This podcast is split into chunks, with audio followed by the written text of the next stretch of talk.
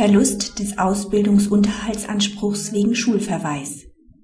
Aufgrund des Rücksichtnahmegebots muss ein Kind seine Ausbildung zielstrebig absolvieren, wenn es nicht seinen Unterhaltsanspruch verlieren will. Der 1989 geborene Sohn fordert von seinem Vater ab Mai 2007 Ausbildungsunterhalt. Zu diesem Zeitpunkt besucht er die zwölfte Klasse.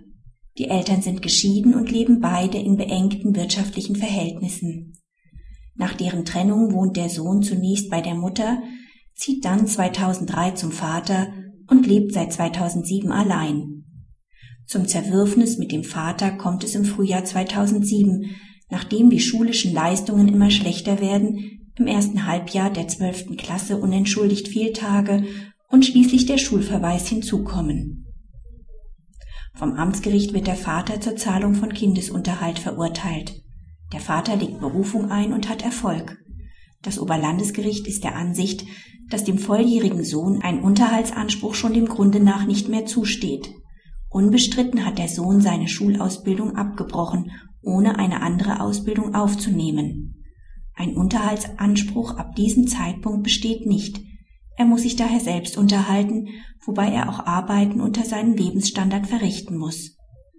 Ebenso versagt das Oberlandesgericht einen Unterhaltsanspruch für den geltend gemachten Zeitraum, solange der Sohn noch zur Schule ging.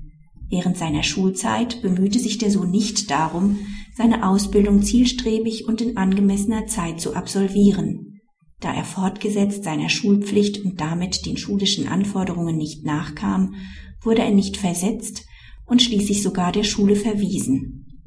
Forderungen seines Vaters nach Leistungsnachweisen ignoriert der Sohn ebenso, wie er Angaben zu seinem Schulversagen und seinem künftigen Werdegang unterließ. Gerade wegen der schlechten finanziellen Verhältnisse seiner Eltern hätte der Sohn aber spätestens mit seinem Auszug beim Vater, als er sich dessen Einfluss entzog, eigenverantwortlich seine Ausbildung zügig vorantreiben müssen. Mangels Beachtung dieser Obliegenheit hat der Sohn seinen Unterhaltsanspruch auch schon für die Zeit vor dem Schulverweis verloren. Praxishinweis.